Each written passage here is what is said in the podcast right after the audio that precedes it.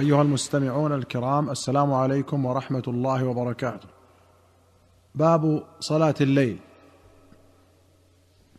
أخرج مسلم عن أبي هريرة قال سئل رسول الله صلى الله عليه وسلم أي الصلاة أفضل بعد المكتوبة؟ وأي الصيام أفضل بعد شهر رمضان؟ فقال أفضل الصلاة بعد الصلاة المكتوبة الصلاة في جوف الليل. وأفضل الصيام بعد شهر رمضان صيام شهر الله المحرم. سيأتي الحديث في باب صيام التطوع إن شاء الله. وأخرج الترمذي والنسائي وابن خزيمة والحاكم والبيهقي في السنن بسند حسن عن عمرو بن عبسة رضي الله عنه أنه سمع النبي صلى الله عليه وسلم يقول أقرب ما يكون الرب من العبد في جوف الليل الآخر. فإن استطعت أن تكون ممن يذكر الله في تلك الساعة فكن. وأخرج البخاري ومسلم عن ابن مسعود رضي الله عنه قال ذكر عند النبي صلى الله عليه وسلم رجل نام ليلة حتى أصبح.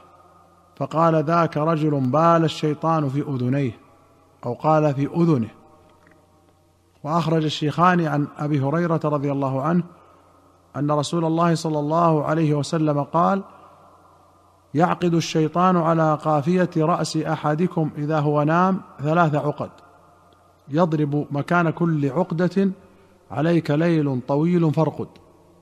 فإن استيقظ فذكر الله انحلت عقدة. فإن توضأ انحلت عقدة. فإن صلى انحلت عقده كلها. فأصبح نشيطا طيب النفس. وإلا أصبح خبيث النفس كسلان. قافية الرأس مؤخرة. والقافية القفا ومنه سميت قافية الشعر وقوله عليك ليل طويل فارقد أي باق عليك أو بقي عليك ليل طويل يغريه بالنوم وتسويف القيام. وأخرج مسلم عن عائشة رضي الله عنها قالت كان رسول الله صلى الله عليه وسلم إذا قام من الليل ليصلي افتتح صلاته بركعتين خفيفتين. وأخرج مسلم عن أبي هريرة رضي الله عنه أن رسول الله صلى الله عليه وسلم قال إذا قام أحدكم من الليل فليفتتح صلاته بركعتين خفيفتين. وأخرج الشيخان عن ابن عمر رضي الله عنهما قال قال رسول الله صلى الله عليه وسلم صلاة الليل مثنى مثنى فإذا أردت أن تنصرف فاركع ركعة توتر لك ما صليت. قال القاسم ورأينا أناسا منذ أدركنا يوترون بثلاث وإن كلا لواسع وأرجو أن لا يكون بشيء منه بأس. وفي رواية قام رجل فقال يا رسول الله كيف صلاة الليل؟ قال رسول الله صلى الله عليه وسلم صلاة الليل مثنى مثنى فإذا خفت الصبح فأوتر بواحدة. وفي أخرى أن النبي صلى الله عليه وسلم قال اجعلوا آخر صلاتكم بالليل وترا. ولمسلم قال سمعت رسول الله صلى الله عليه وسلم يقول الوتر ركعة من آخر الليل. وفي أخرى له عن أبي مجلز قال سألت ابن عباس عن الوتر فقال سمعت رسول الله صلى الله عليه وسلم يقول ركعة من آخر الليل. قال وسألت ابن عمر فقال سمعت رسول الله صلى الله عليه وسلم يقول ركعة من آخر الليل.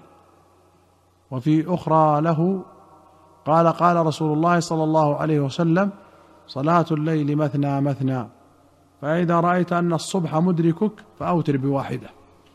فقيل لابن عمر ما مثنى مثنى؟ قال تسلم في كل ركعتين. وللبخاري أن ابن عمر كان يسلم بين الركعتين في الوتر حتى يأمر ببعض حاجته. وأخرج مسلم عن أبي سلمة بن عبد الرحمن بن عوف قال سألت عائشة رضي الله عنها بأي شيء كان رسول الله صلى الله عليه وسلم يفتتح الصلاة إذا قام من الليل؟ قالت كان إذا قام من الليل افتتح صلاته اللهم رب جبرائيل وميكائيل وإسرافيل فاطر السماوات والأرض عالم الغيب والشهادة أنت تحكم بين عبادك فيما كانوا فيه يختلفون.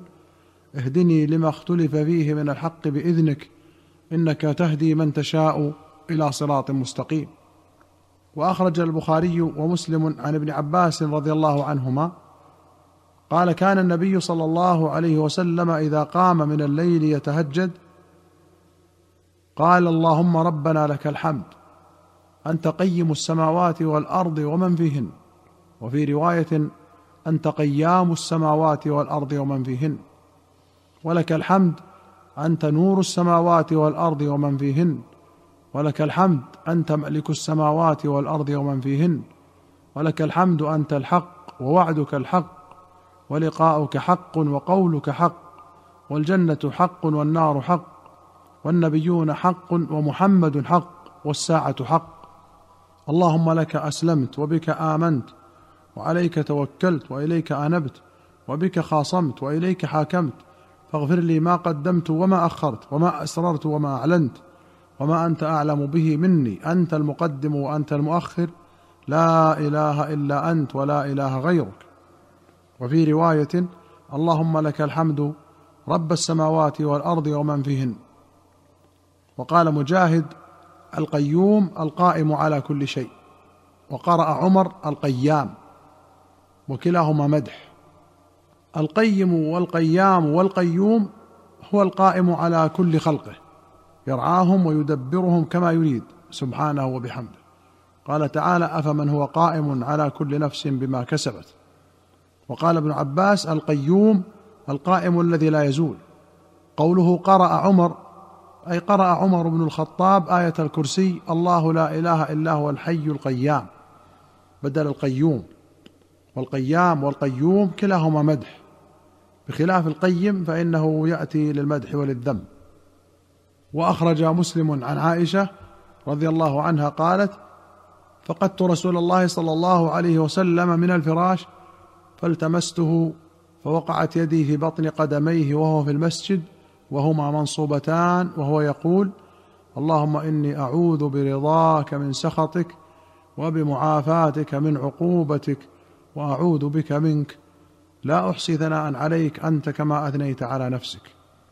وفي رواية قالت افتقدت النبي صلى الله عليه وسلم ذات ليلة فظننت أنه ذهب إلى بعض نسائه فتحسست ثم رجعت فإذا هو راكع أو ساجد يقول سبحانك وبحمدك لا إله إلا أنت. فقلت بأبي أنت وأمي إني لفي شأن وإنك لفي آخر. قال الإمام الخطابي رحمه الله في هذا معنى لطيف وذلك أنه استعاذ بالله تعالى وسأله أن يجيره برضاه من سخطه وبمعافاته من عقوبته والرضا والسخط ضدان متقابلان وكذلك المعافاة والعقوبة فلما صار إلى ذكر ما لا ضد له وهو الله سبحانه وتعالى استعاذ به منه لا غير. ومعناه الاستغفار من التقصير في بلوغ الواجب من حق عبادته والثناء عليه. وأخرج ابن أبي شيبة وأحمد وابن ماجة وأبو داود والترمذي والنسائي وأبو يعلى والطبراني في الكبير والبيهقي في السنن بسند حسن عن علي رضي الله عنه أن النبي صلى الله عليه وسلم كان يقول في آخر وتره اللهم إني أعوذ برضاك من سخطك وبمعافاتك من عقوبتك وأعوذ بك منك. لا أحصي ثناء عليك أنت كما أثنيت على نفسك. أيها المستمعون الكرام إلى هنا نأتي إلى نهاية هذه الحلقة. حتى نلقاكم في حلقة قادمة بإذن الله. نستودعكم الله والسلام عليكم ورحمة الله وبركاته.